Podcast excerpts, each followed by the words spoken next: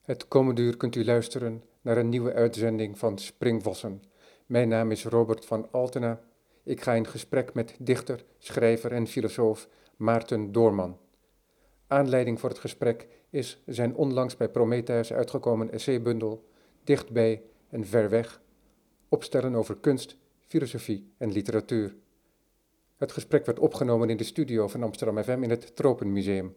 Doordat de studio moest sluiten voordat de opname voltooid was, ben ik nog eens langs gegaan bij Maarten Doorman met het verzoek aan hem om voor te lezen uit zijn eigen bundel. Halverwege dit uur hoort u Maarten Doorman de leesbril van mijn moeder voorlezen. De uitzending zal worden afgesloten met de eerste pagina's van het opstel Ontroeren in de verte over Marijke van Warmerdam.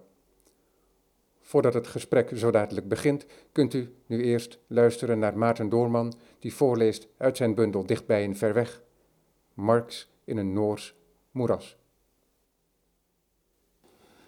Hier volgt het eerste stuk uit mijn opstellen bundel Dichtbij en Ver Weg. De titel van dit essay is Marx in een Noors moeras. De laatste vakantie met je ouders. Dat is denk ik zoiets als met pensioen gaan. Of als scheiden. Je wilt afstand doen van je verleden en dat lukt niet zonder een belangrijk deel van jezelf weg te gooien. Was het maar vast volgend jaar. Ik was net 16 en had weinig benul van hoe ik het in het leven moest aanpakken. Een beetje puberale weltschmerz was mij niet vreemd en zonder twijfel voelde ik mij onbegrepen. Wat anderen nu precies van mij niet begrepen, daar had ik geen flauw idee van. En waarschijnlijk begreep menigeen mij juist beter dan ik mijzelf begreep. Maar ik zat ermee. Die anderen kon het niks schelen. En al deed ik of mij dat weer niks kon schelen, ik was er niet zeker van. En die onzekerheid verborg ik achter een hautaine houding, voor mijn omgeving vermoedelijk even doorzichtig als ergerniswekkend. Dat waren zo'n beetje de omstandigheden toen er weer zo'n eindeloze vakantie voor mij lag en ik niets beters wist dan een deel ervan toch maar weer met mijn ouders door te brengen. In Noorwegen. Daar hadden ze een hut gehuurd in een schaduwrijk dal. Water schepte je uit een beekje. De wc was een hok ergens buiten. Daarin een houten bank met een rond gat en een deksel tegen de stank. Aan de boomtakken hingen baarden van mos. Je verwachtte allerlei beesten, gefladder van vogels, het gekraak van takken. Maar behalve het gerinkel van het beekje was het adembenemend stil.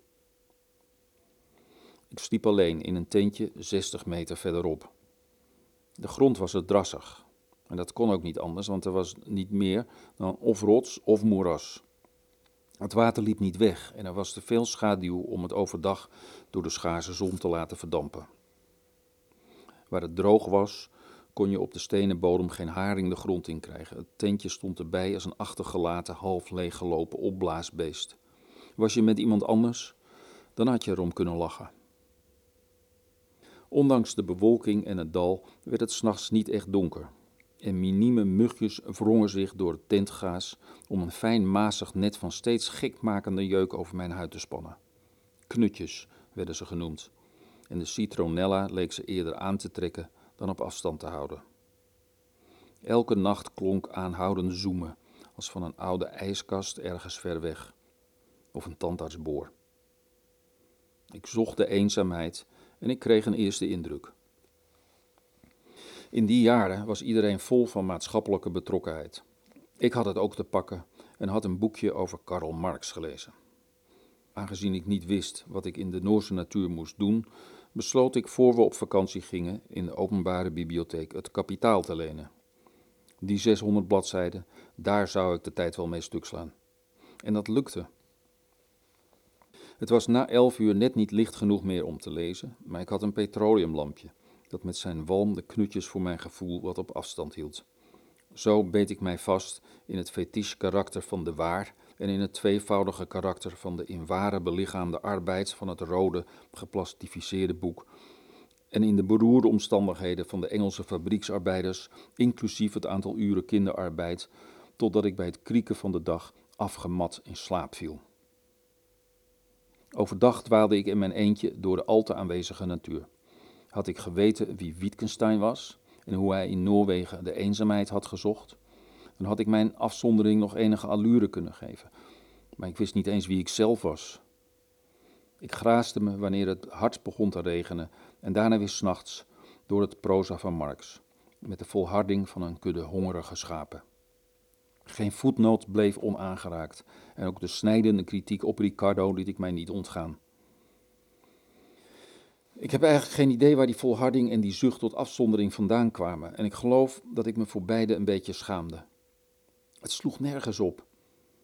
Ook nu ik bedenk hoeveel goede boeken ik nog niet heb gelezen en hoeveel meer plezier ik daarvan had kunnen hebben, is die schaamte weer dichtbij. Misschien timmerde ik met mijn studie van het kapitaal, want studeren mocht je het toch wel noemen, een onzichtbare ladder naar iets nieuws. Naar een toekomst die nooit de mijne werd.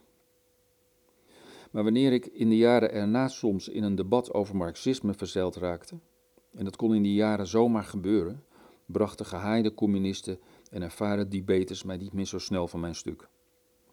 Weliswaar voelde ik bij Marx een vage jeuk en rook ik soms zelfs even een oude geur van petroleum, alleen die anderen hadden vast niet het kapitaal van kaft tot kaft gelezen. Iets van mijn verlammende puberale twijfel had ik kennelijk met dank aan die oude filosoof in het Noorse moeras achtergelaten. In hoeverre de meerwaarde van het kapitaal voor mij uit nog iets anders bestond, weet ik niet. Ik ben bang dat bovenstaande zinnen na al die jaren de enige schamele opbrengst zijn, een afnemende meeropbrengst.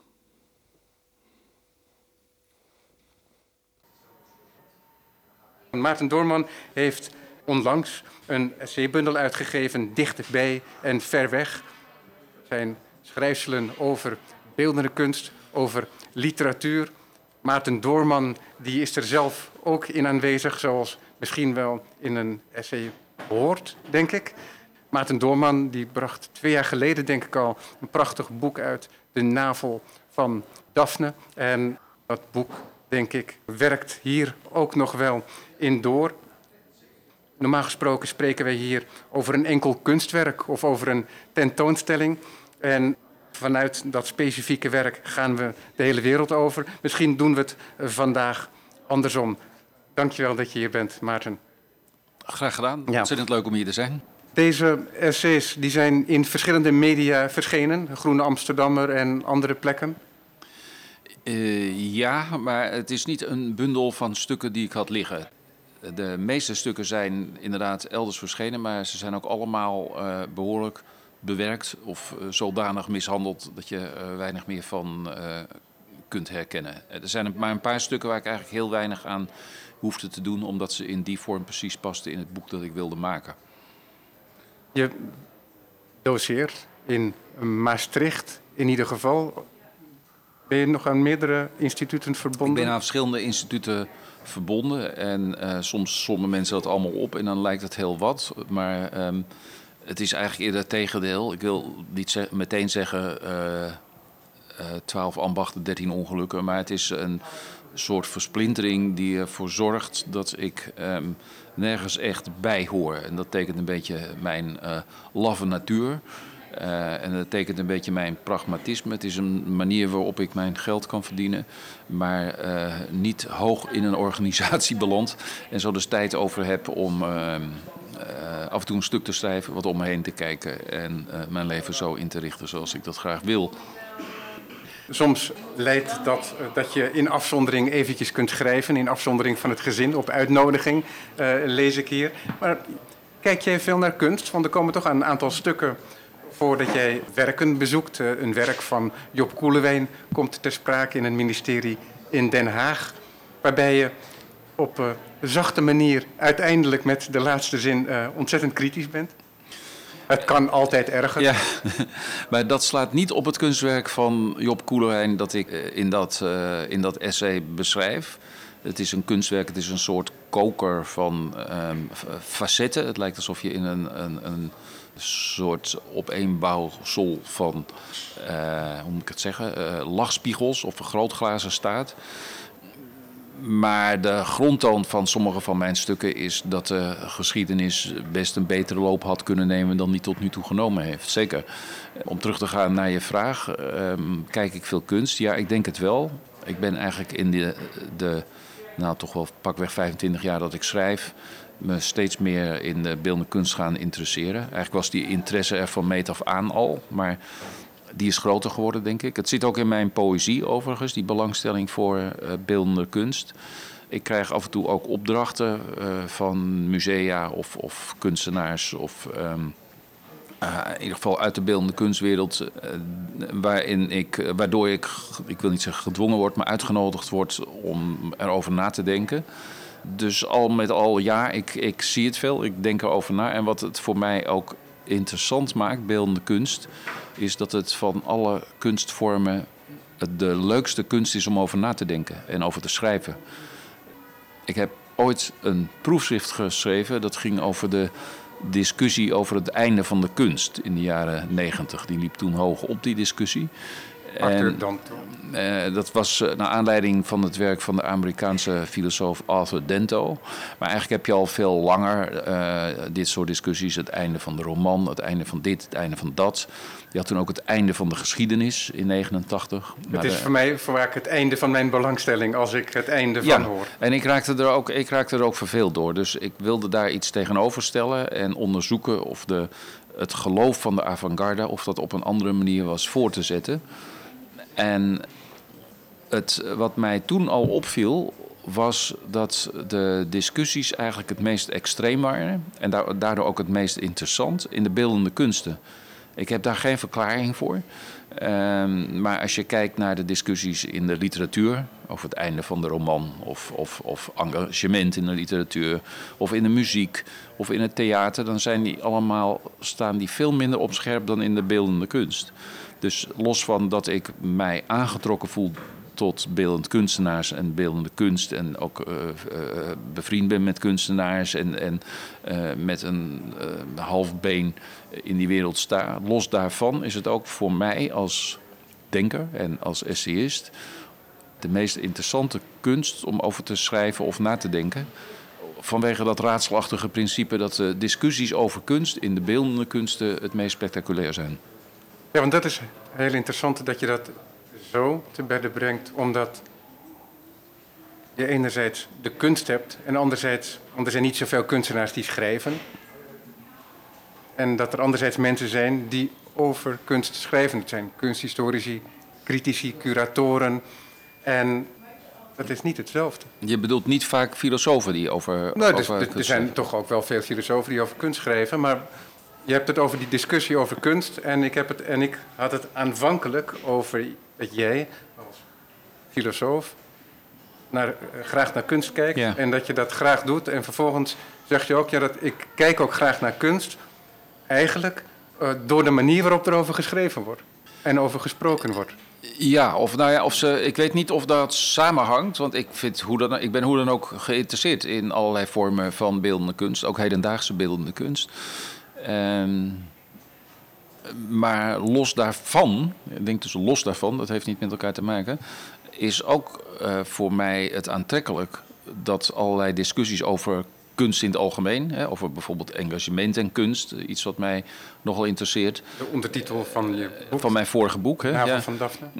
Um, dat die discussies eigenlijk het, het meest helder zijn, of het meest extreem, en de tegenstelling het meest uitgesproken um, in de beeldende kunst. Want ik, het is niet zo dat ik meer, denk ik, in de beeldende kunst ben geïnteresseerd, of daar meer door wordt ge, opgeslokt of geobsedeerd dan de literatuur. Ik kom eigenlijk uit de literatuur. Of ik ben als dichter begonnen. Ik denk dat de en, meeste mensen jou hebben leren kennen door Zeeman met boeken. Ja, en dat ging, uh, dat trouwens een geweldig leuk uh, uh, televisieprogramma dat was dat. ik zelf ook. Ik snap dat jij dat zegt, maar ik Ja. kan dat alleen maar beamen. Ja, het was ontzettend leuk om te doen. Daarin bespraken we vijf boeken, maar het wel in een, een klein uur, 50 minuten, zonder onderbreking van reclame. Uh, waarin gewoon nog kon worden ingenomen en gerookt en, en uh, gelachen. En dat ging, het, dat ging uitsluitend over literatuur. En ik heb uh, jarenlang poëzie besproken voor de NRC en vroeger voor de Volkskrant. En dus ik, ik, laat ik, het, ik weet nooit of ik ergens bij hoor of iets ben. En dat wordt steeds verwarrender. Maar um, als het zou moeten gaan over mijn identiteit, zou ik eerder tot het land van de literatuur behoren dan uh, tot het land van de beeldende kunst. Eh, ik denk dat het wel heel typerend is voor mij dat ik nooit tot één land behoor. En, ik, ik, voel mezelf ook een grensganger. Dus ik zit tussen, hoe zal ik het zeggen? Ik werk eigenlijk al heel lang in een gebied. En dat is een soort driehoek waarvan één punt de literatuur is. Een ander punt is uh, de journalistiek. En een ander punt is de wetenschap of de filosofie aan de universiteit. En dat is het spanningsveld waar, waarin ik zit. En dan zit ik meteen te denken, waar hoort die kunst dan in? Want die, maar die zit daar ergens ook in het midden, denk ik. Je, je bent cultuurfilosoof. Dus het, het, hoort er allemaal bij, zou je kunnen zeggen. En in die zin, en zo ervaar ik dat zelf altijd, ehm, zijn die verschillende, die cloisonnering, die, die vakjes die er allemaal gecreëerd worden die ervaar ik zelf uh, niet als zodanig. Ik weet niet hoe dat voor jou is. Nou, eh, er wordt in, Frankrijk, in Frankrijk bijvoorbeeld wordt er heel graag, en dat kun je je wel voorstellen, denk ik, wordt er heel graag gezegd dat het schilderij denkt. Er zijn uh, Hubert Damis, een filosoof, kunsthistoricus, die heeft dat uh, ooit gemunt, denk ik. En je hoort het bijna wekelijks op Radio ja. France Cultuur bijvoorbeeld, hoor je dat langskomen. Het is misschien typisch Frans ook, hè, om zo te flirten met de filosofie en dat overal filosofie ja. in zit. Ja. Maar er zit ook wel een kern van waarheid in. Zeker, zeker. Ik heb ook wel bewondering voor die Franse retorische traditie. Die soms inderdaad wat extreem is. Je, je kunt ook bij het journaal in Frankrijk, dat uh, ongeveer drie keer zo duur, lang duurt als het Nederlandse journaal.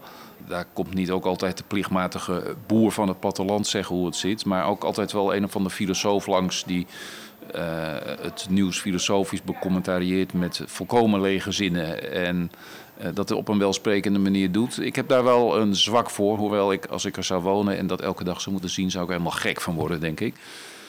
Maar ik heb er ook wel een soort respect voor. Uh, even terug naar je, naar je vraag. Die ging, geloof ik, over. Het begon bij mijn vraag over jouw interesse voor kunst. Ja. Daar, daar begonnen en we hoe mee. die filosofie zich daartoe... Ja, en, en dat ik, dat ik, wat mij opviel daaraan aan je antwoord althans... is dat je antwoordde dat de discussie jou daar zo in interesseert. Ja, nu weet ik ook wat ik wilde zeggen. Um, ik, ik vind eigenlijk ik vind het wel belangrijk dat wij verschillende disciplines blijven onderscheiden. En dat een filosoof ook weet wat de filosofische criteria zijn. En hoe je je als een filosoof uh, moet gedragen in het denken en in het discussiëren. Maar tegelijkertijd wordt het interessant om vanuit vragen te vertrekken, althans voor mij, vanuit vragen te vertrekken die liever juist niet specifiek filosofisch zijn of specifiek kunsthistorisch, maar een vraag die wij zelf hebben. Bijvoorbeeld in mijn vorige boek. Hoe, kan dat, hoe zit dat nou met beeldende kunst? Beeldende kunstenaars willen geëngageerd zijn. Um, maar als je je echt uitspreekt over het onrecht in de samenleving, over uh, discriminatie, over ongelijkheid, over onrecht. Um, dan maak je eigenlijk oninteressante kunst. Want dat is propaganda, dat is veel te plat.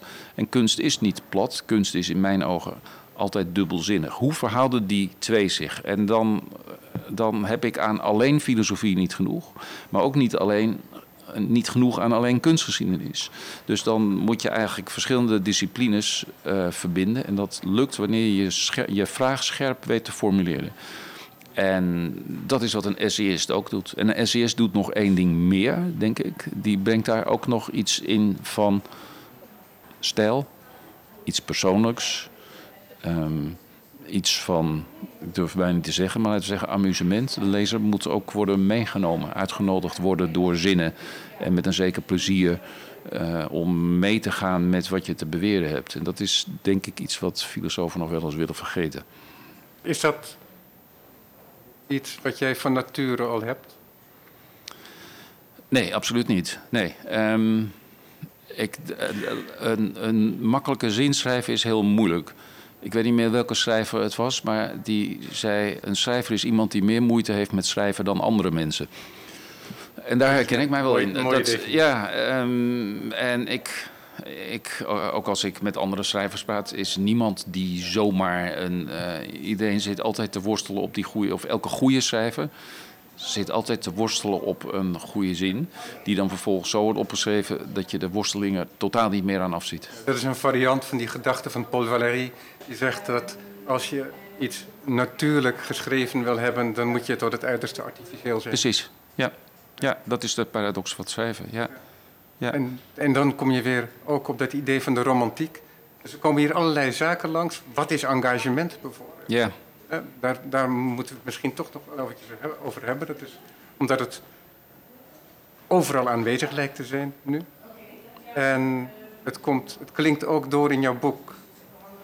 Die term van de romantiek is, vind ik ook interessant. Ik heb het daarover gehad met Arnold Heumakers ook, hè, over de esthetische revolutie. Ja.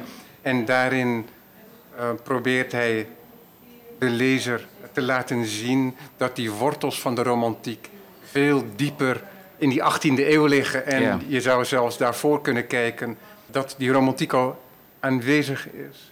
eh, dwars door die rationalistische Ja. 18e eeuw. Ik geloof daar niks van overigens hoor. Ja. Maar, dat, eh, Ja, dat is het. Ja. En ik, ik heb in dat gesprek met hem destijds ook gezegd dat daar het gevaar is dat als je een bepaalde bril opzet, dan zie je altijd, herken je altijd wel wat. ja.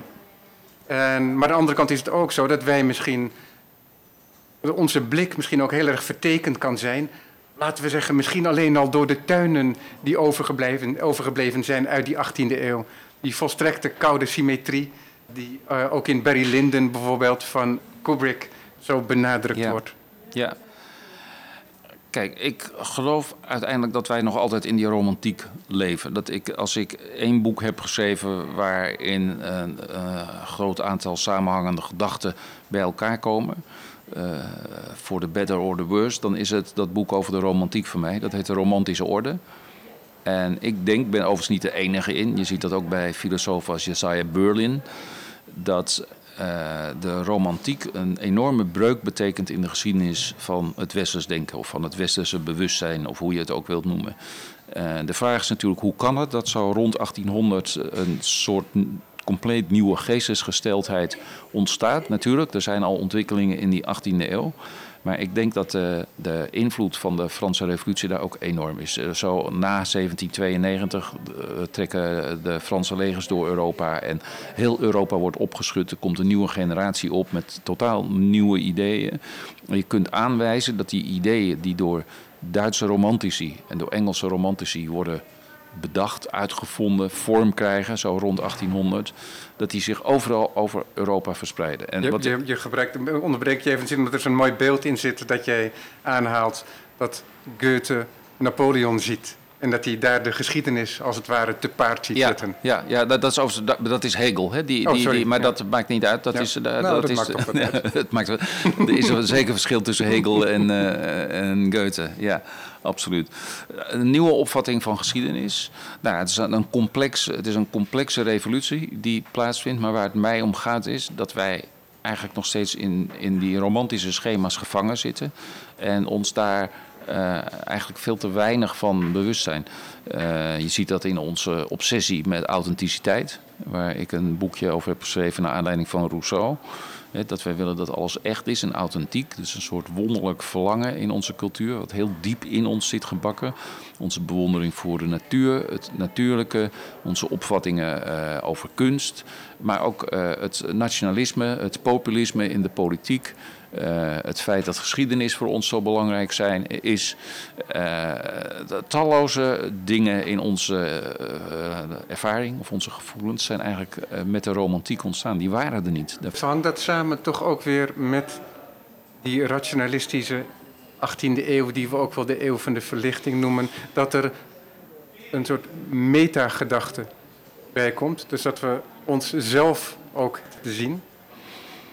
Nou ja, vanaf de, kijk, de romantiek breekt met een aantal regels en met, met, met, eh, met conventies. In de romantiek wordt het individu belangrijk en vooral het authentieke individu.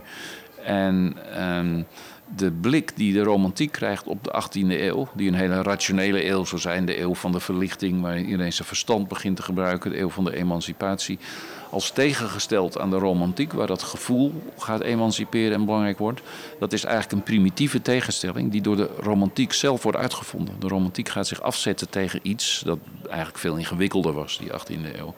Kijk, in dit boek met opstellen van mij, eh, dichtbij ver weg, gaat het niet zozeer over die these van de romantiek van mij. Maar ik denk dat, het, dat mijn opvatting over de romantiek wel op allerlei manieren doorcijpelt in mijn opstellen over, over kunst. Over ja. uh, Polken, Richter en Kiever. Of over, nou eigenlijk uh, tussen de regels door toch wel vaak naar voren komt. Wat ik heel mooi vind is dat als je dat gaandeweg zo leest, dat, die, dat het idee van het modernisme, dat dat ook heel romantisch is. Ja. Het modernisme denkt zichzelf ahistorisch. Ja, zeker.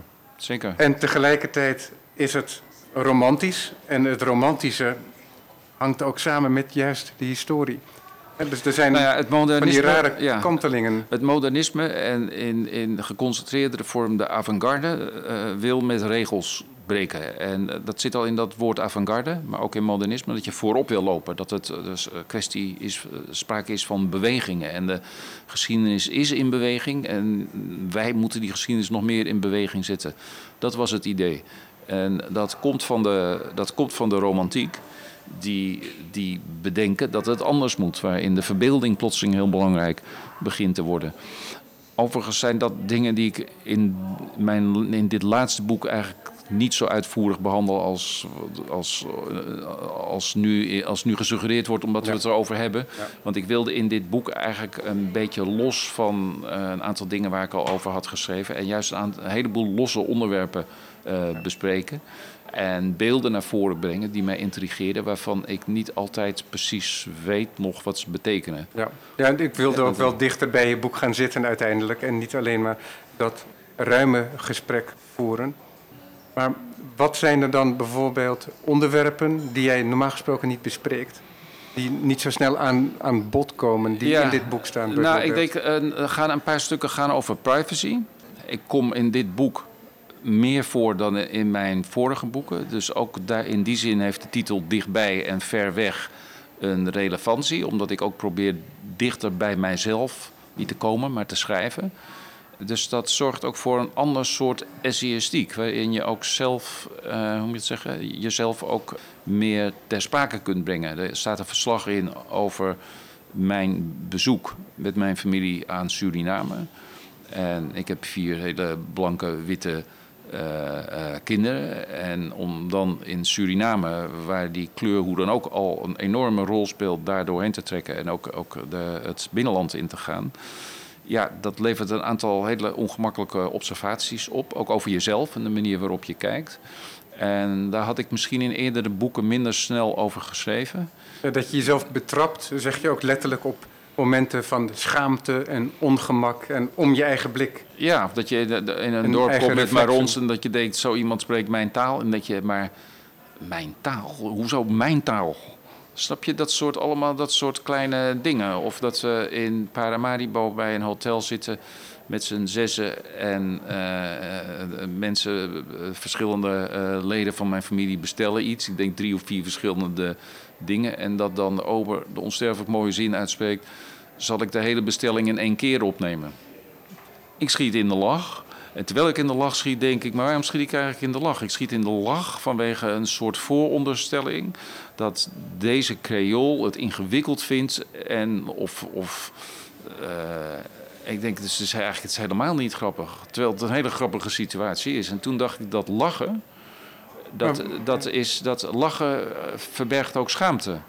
Maar waarom is dat niet grappig?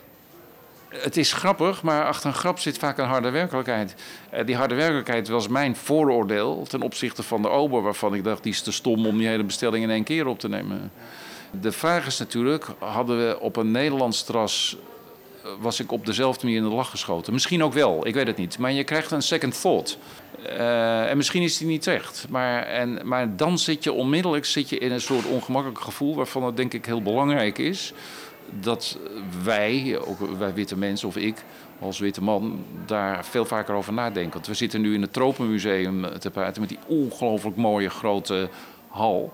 waar een soort kolonialistische grandeur afspat. Ja, dat is een gebouw waarvan we op dit moment totaal niet meer weten wat we ermee moeten doen. En die verlegenheid, die, daar kun je beter over schrijven wanneer je het als je eigen verlegenheid naar voren brengt dan in meer algemene termen, denk ik. Mijn, mijn laatste stuk bijvoorbeeld is, uh, gaat.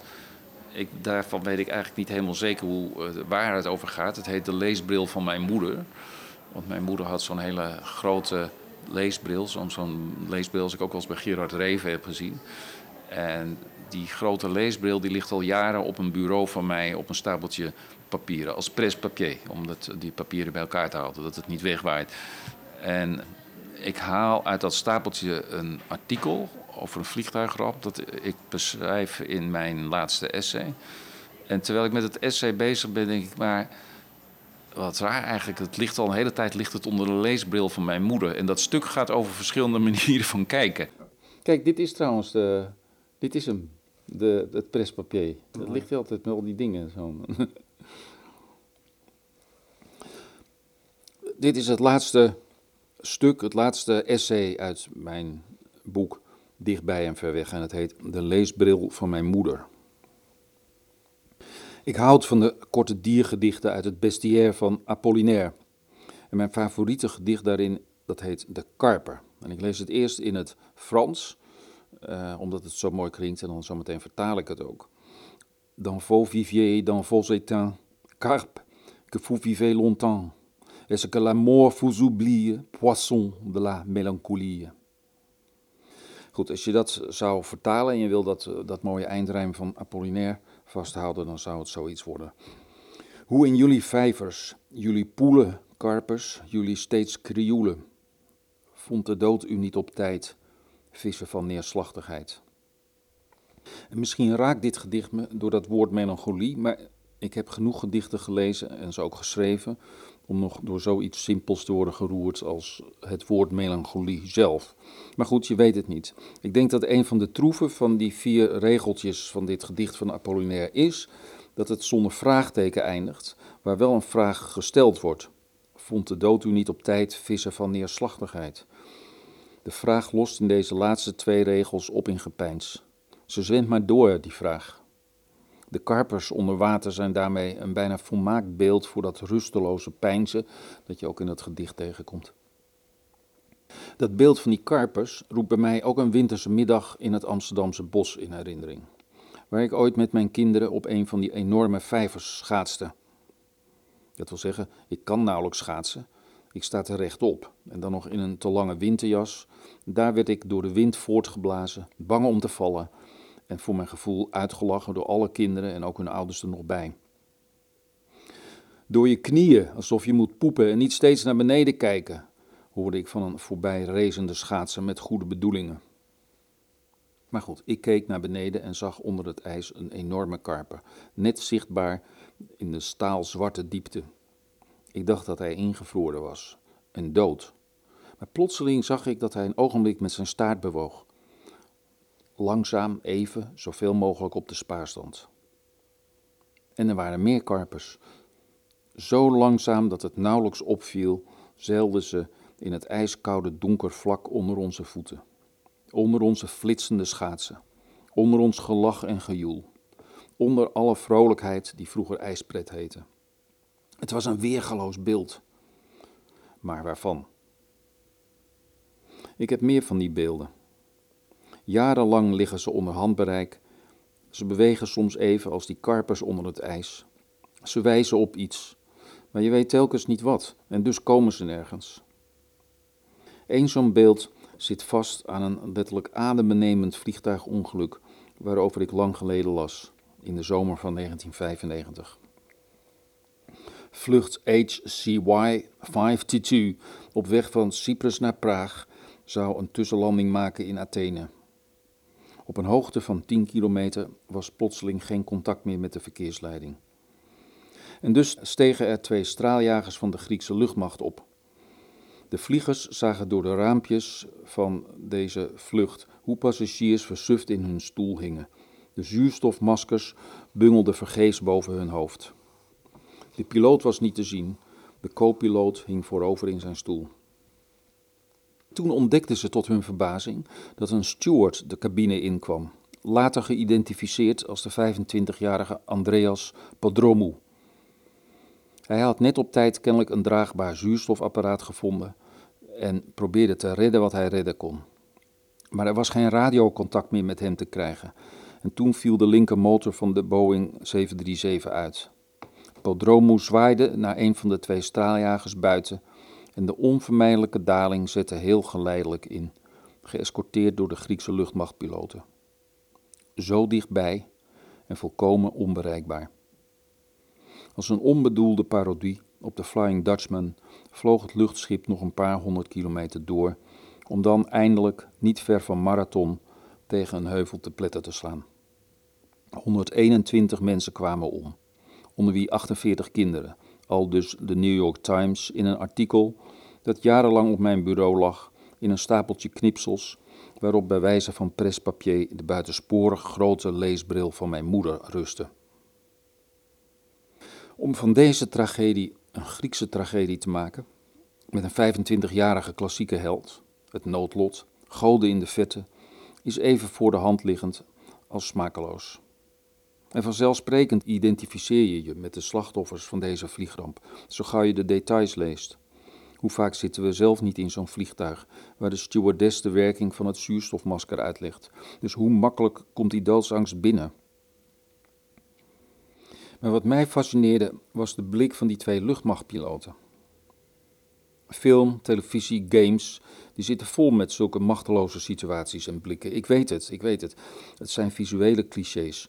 Maar in de krant lezen en het je voorstellen, het jezelf voorstellen, hoe ze aan het stuur zitten van zo'n krachtig toestel, snel, wendbaar, met een vernietigende kracht, terwijl zich vlak onder hun ogen een drama voltrekt waar ze helemaal niks aan kunnen doen, dat beeld liet mij niet los. Misschien keken die karpers met precies zo'n blik omhoog naar het licht. Naar ons.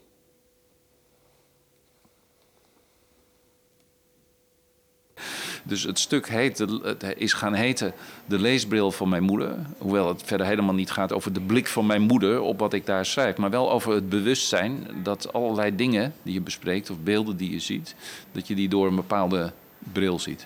En het fijne van een essay is, dat hoef je helemaal niet altijd allemaal uit te spreken. Je kunt zo'n beeld gebruiken en je kunt de lezer vertrouwen, als je het zelf goed opschrijft, dat hij die associatie wel maakt.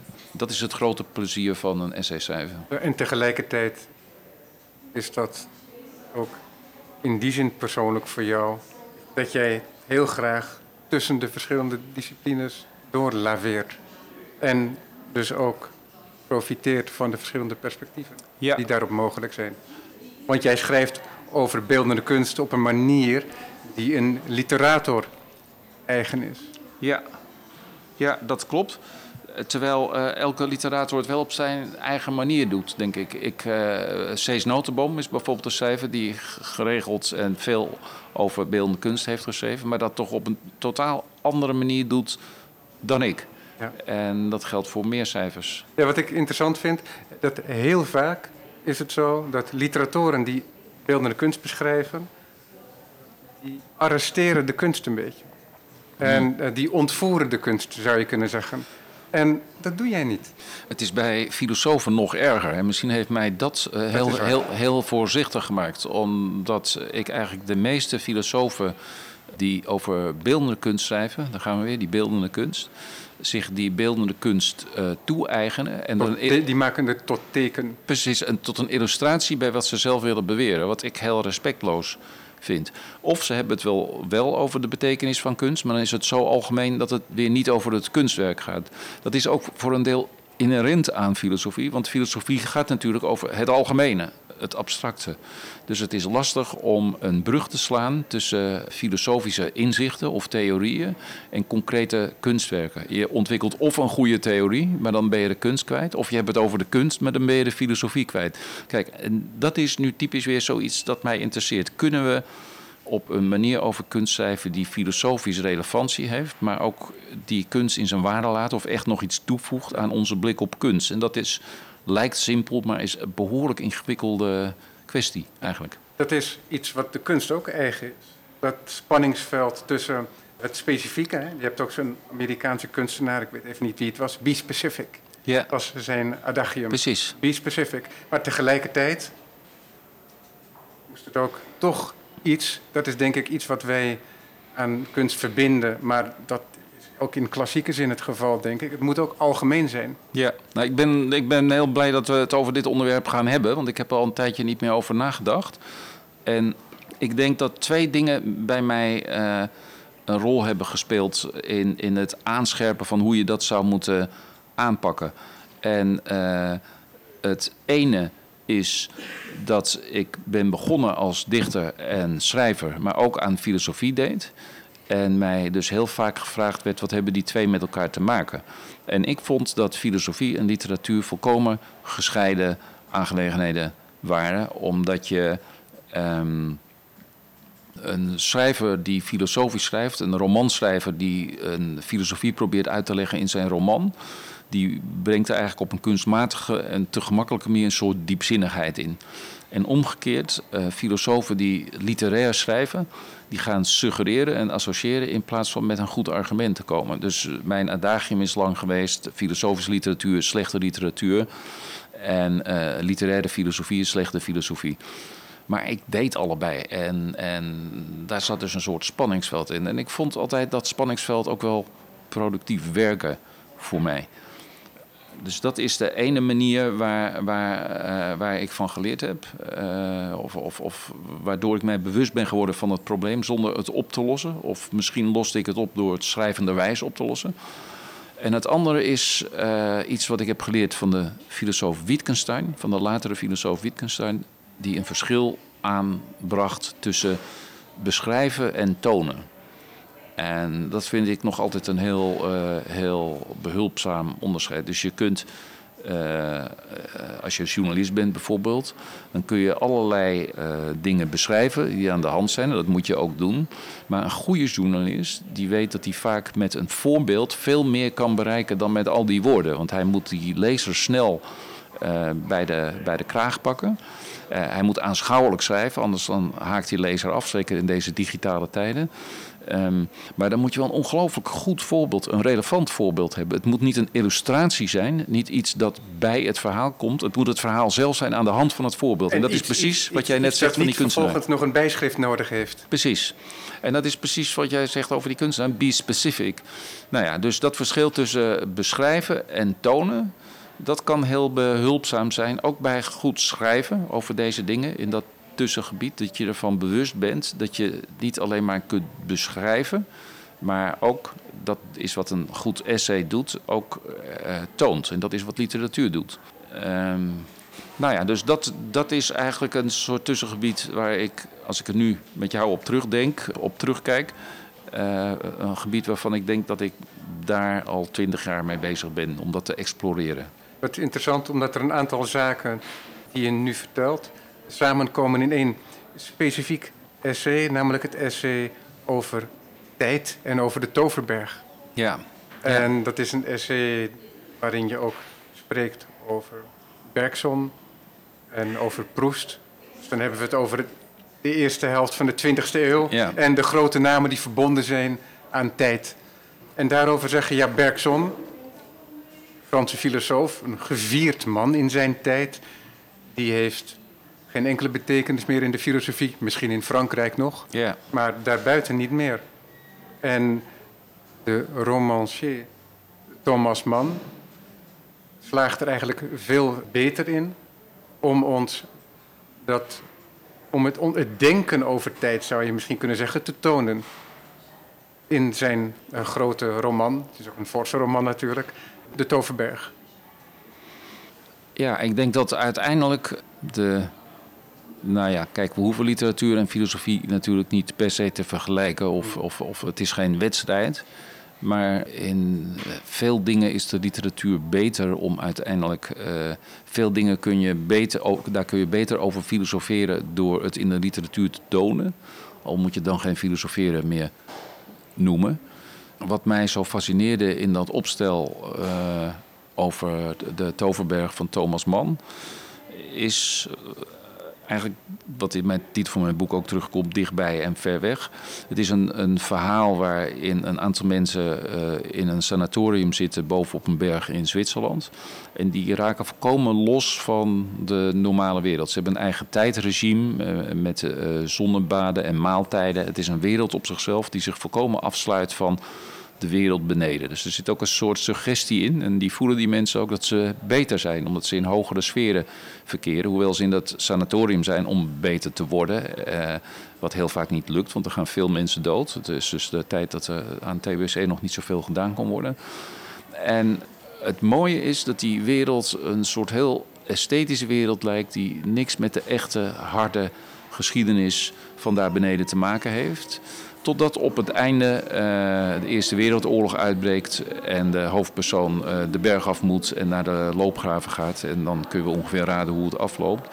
En de stelling van, mijn, van, van het essay is dat hoewel het lijkt alsof het geen geëngageerde roman is, is juist door die laatste bladzijde waaruit dat blijkt, blijkt dat de spanning die in die hele roman voelbaar is, namelijk de spanning niet tot de echte wereld te behoren, eigenlijk definiërend is voor de kwaliteit van dat boek. En dan heeft het veel, te maken met het vorige boek van mij over kunst en engagement. De hoe kan kunst de afstand, of hoe kun je de afstand overbruggen tussen kunst en wereld, of tussen kunst en engagement? Nou, dat kan bijvoorbeeld door zo'n boek te schrijven. En in de literatuur zou je kunnen zeggen, is dat misschien vanzelfsprekender om dat te doen.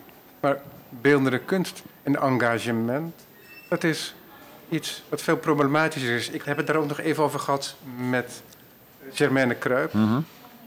uh, zij is van mening, en ik sluit me daar wel bij aan, denk ik, is dat je niet noodzakelijk, um, laten we zeggen, geweren hoeft te schilderen om een geëngageerd kunstenaar te zijn. Dat kun je ook doen als je werk volledig geometrisch abstract is.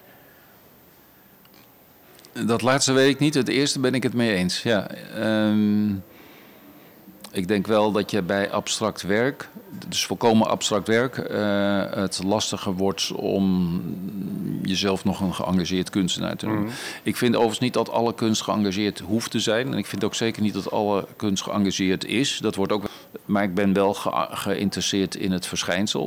Onder meer vanwege het denken, kijken. Uh, kijk, het fijne van het schrijven, en zeker van, in ieder geval van dit boek, dichtbij en ver weg is dat je beter gaat kijken naar de wereld om je heen. Naar beter, naar, als je gaat schrijven, moet je nadenken over wat je ziet en wat je ervaart. Als je gaat nadenken over wat je ziet en wat je ervaart, en dat onder woorden probeert te brengen, ga je ook meer zien. Ik heb dat ooit geleerd bij een college kunstgeschiedenis. Mijn allereerste college kunstgeschiedenis, dat heb ik ook nog een tijdje gevolgd, werd er een schilderij op een dia getoond, hadden toen nog dia's. En de betreffende hoogleraar zei, um, wat staat er op dit schilderij? En uh, er werd zo'n tien minuten aan besteed om dat te beschrijven. En dat vond ik zo stom, want ik dacht, iedereen kan dat toch zien. Dat, uh, we hoeven toch niet te beschrijven wat iedereen kan zien. En pas in tweede instantie, toen, toen we daar langer over doorgingen, toen begreep ik dat we het gesprek dat we daarna voerden niet hadden kunnen voeren als we niet eerst hardop hadden genoemd wat we hadden gezien, doordat het zich daar, daardoor pas aanwezig stelde en we ons ervan bewust werden. Ik denk, tijdens je studie zijn altijd maar een paar momenten waarop je echt iets leert. En dit was zo'n moment voor me. En ik gebruik het ook nog bij mijn studenten. Bijvoorbeeld als we samen een tekst gaan lezen, dan vertel ik ze deze anekdote. En dan zeg ik, misschien moeten we eerst proberen te ontdekken wat er staat. Niet meteen gaan interpreteren, want dat, dat verblindt ons ook. Misschien moeten we eerst gewoon kijken wat is er aan de hand, hoe is het opgebouwd, wat staat er. Laten we eerst eens beginnen met iets over die teksten beschrijven, uh, waardoor we daarna veel meer zien. En het feest van het schrijven van essays is eigenlijk precies dat. Je schrijft over de wereld om je heen, waardoor je allerlei dingen voor jezelf zichtbaar maakt en hopelijk ook voor anderen. Ja, mooi.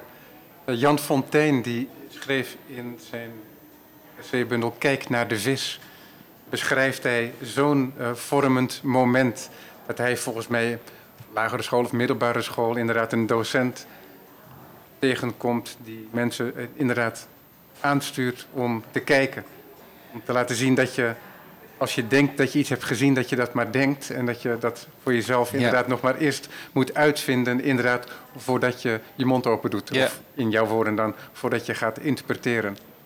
Maar Jij zegt, het klinkt heel vanzelfsprekend als jij dat zegt, maar tegelijkertijd zijn er ook toch veel collega's van jou die het kunstwerk toch arresteren en op de, hun gedachten meevoeren de filosofische oceaan op. Heb jij daar nooit last van gehad?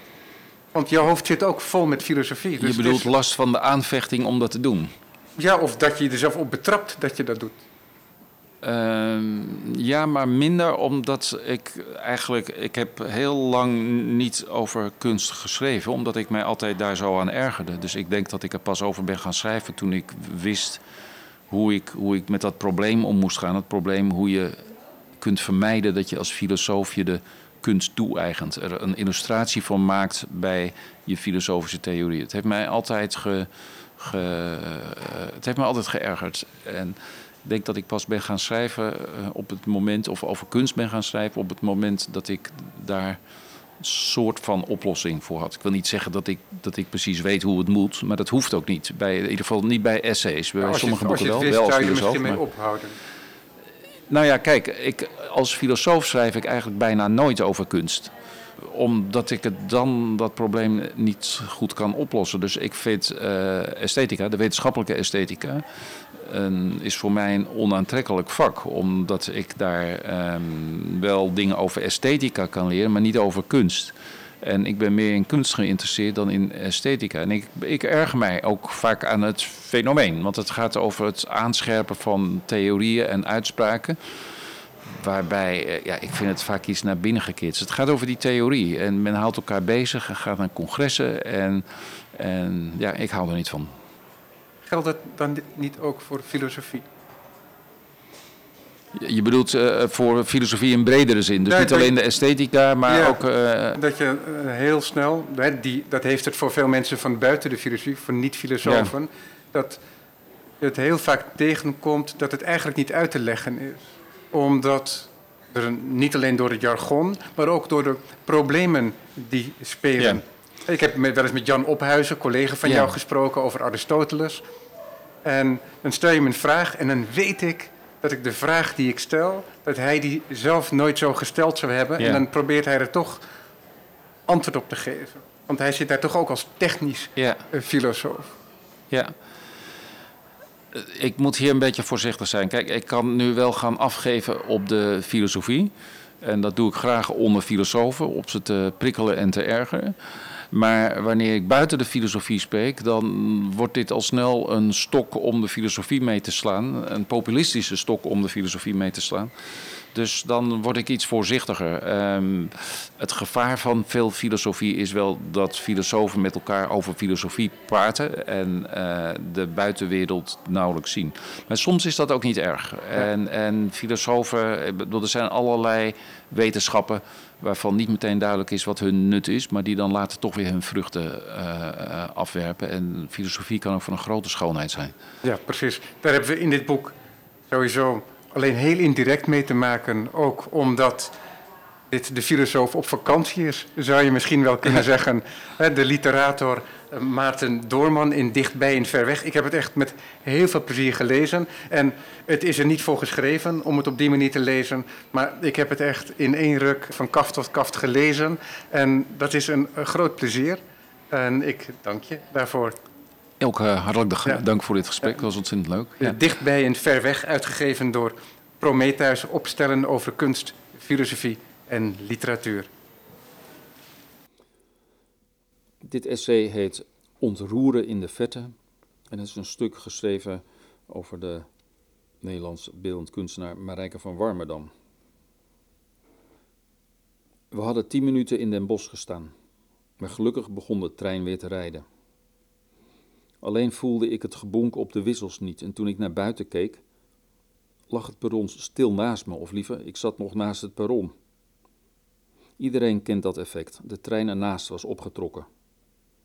Soms verkeer je een ogenblik in een vreemde wereld en wanneer je begint te dementeren moet het een angstaanjagend gevoel zijn. Maar zolang dat niet het geval is, of zolang je het zelf nog niet doorhebt, heeft die vervreemding iets, iets nou, ik durf het haast niet te zeggen, iets esthetisch. En dan denk ik niet aan Piet Paaltjens slapstick uit het melancholieke treingedicht Arika, Slechts eenmaal heb ik u gezien, gij waart gezeten in een sneltrein die de trein waarmee ik reed passeerde in volle vaart. De kennismaking kon niet korter zijn. Dat bedoel ik niet. Het is meer de ervaring dat je in een parallelle wereld bent. Zoals je een enkele keer bij het wakker worden niet zeker weet of je nu wakker bent of nog droomt, namelijk droomt dat je wakker bent. Ooit scheurde ik met mijn geliefde uit Friesland terug naar de Randstad om Mary Stewart te zien. We waren veel te laat. We dumpten de kinderen bij de oppas thuis, reden de auto tot tegen de muur van het theater, renden wapperend met onze kaartjes naar binnen en de voorstelling begon. In elke hoek zat een violist en er ontspon zich een gesprek op het toneel dat ik steeds wanhopiger in verband probeerde te brengen met Mary Stewart. Op een gegeven moment gaf ik het op. Ik boog me verontschuldigend naar mijn buurvrouw en informeerde heel zachtjes naar welk stuk we zaten te kijken. Kwartetten, fluisterde ze, van Elmer Schoenberger. Oh, dan zit ik bij de verkeerde voorstelling, mompelde ik, waarop de buurvrouw even mijn arm aanraakte en begripvol fluisterde. Dat zitten we altijd. De verkeerde voorstelling voegde iets toe aan mijn ervaring van het stuk. Juist omdat ik zo ijverig zocht naar iets wat er niet was. Met even datzelfde vage gevoel van het geluk in een parallelle wereld te bestaan. In die trein op station Sertogenbos dacht ik echter niet aan kwartetten, maar aan een filmpje van Marijke van Warmerdam. Het heet Roeren in de Verte en je gaat ervan omhoog. Je ziet namelijk een kop thee op een tafel en daarachter is een raam. Buiten sneeuwt het. Een hand roert met een lepeltje in het kopje, legt het lepeltje terug en de sneeuw begint trager te vallen. Is uiteindelijk nog het enige dat beweegt. En daarom kijk je ernaar, naar de gestaag dalende vlokken. En plotseling voel je je even opgetild door die vallende sneeuw. Door dat filmpje ontdekte ik waar het opwindende gevoel van een sneeuwbui vandaan komt. Door het eindeloos neerdwarrelen van die vlokken voel je jezelf lichter worden. Het werk van Marijke van Warmerdam tilt je wel vaker even op. Of het nu gaat om die man die jaren op station Schiphol was te zien, onverstoorbaar douchend tussen de voorbijsnellende Rika's, of het gefilmde olifantenoog in Park Sonsbeek in een paviljoentje van beton en dat beton had op zichzelf ook nog eens een soort hoog olifantshuidgehalte. En ik bedoel niet dat je telkens echt fysiek omhoog gaat of dat gevoel hebt, of dat je echt in zo'n parallele wereld belandt, maar wel dat je wordt opgelicht. Opgelicht, pun not intended, dus dat je ergens wordt uitgetild.